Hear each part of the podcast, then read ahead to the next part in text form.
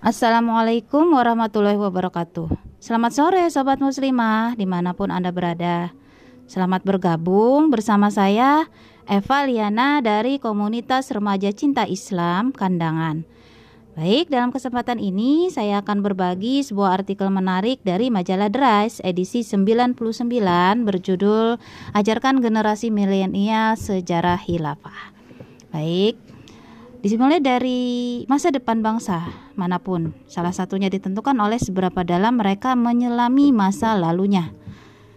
Bangsa Jepang misalnya pernah tampil sebagai kekuatan militer, kemudian pasca Perang Dunia II moncer sebagai kekuatan teknologi, khususnya otomotif dan elektronik juga ekonomi.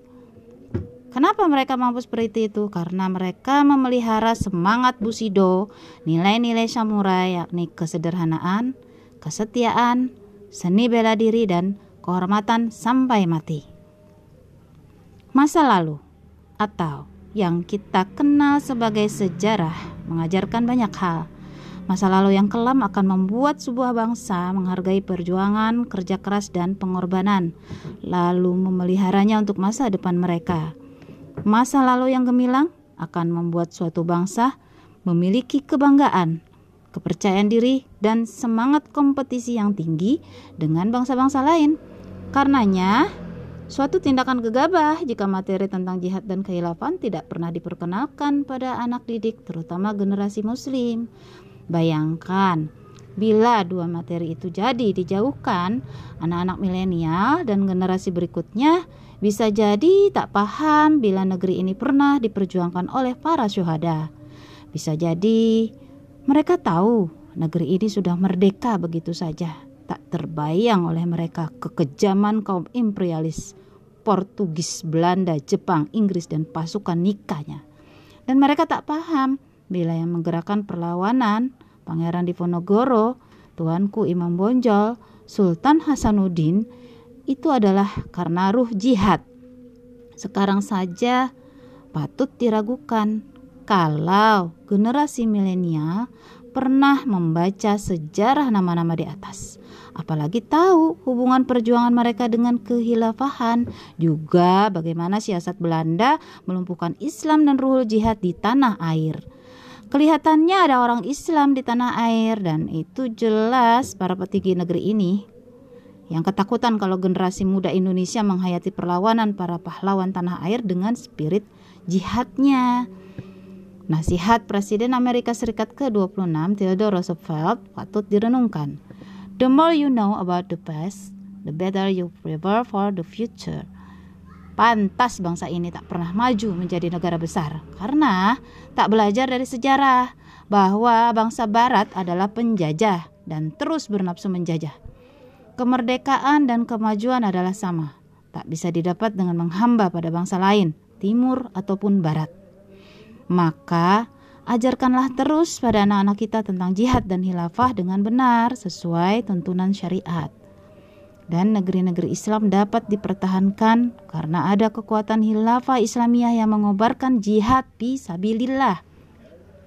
Pahamkan pada generasi milenial bila hilafah dan jihad bukan ancaman, bukan seperti gambaran yang divisualisasikan barat yang penuh tipuan murahan, kejam, bengis, telengas, penyebab kehancuran seperti di Suriah. Justru ketika pasukan Islam menaklukkan tanah Syam di masa kehilafahan Umar bin Khattab radhiyallahu an, negeri itu menjadi makmur dan sejahtera. Masyarakatnya berbondong-bondong memeluk Islam Kehancuran Syam dimulai saat ketiadaan hilafah Islamiyah dan intervensi barat ke tanah mulia itu. Mengajarkan anak-anak kita tentang jihad dan hilafah adalah tuntunan salafus soleh. Mereka selalu mengajarkan sejarah peperangan Rasulullah pada anak-anak kaum muslimin.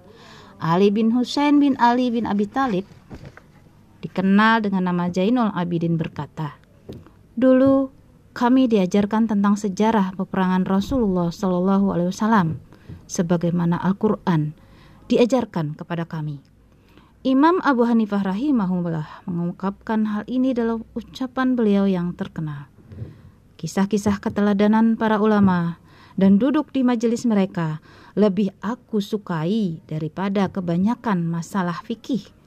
karena kisah-kisah tersebut berisi adab dan tingkah laku mereka untuk diteladani.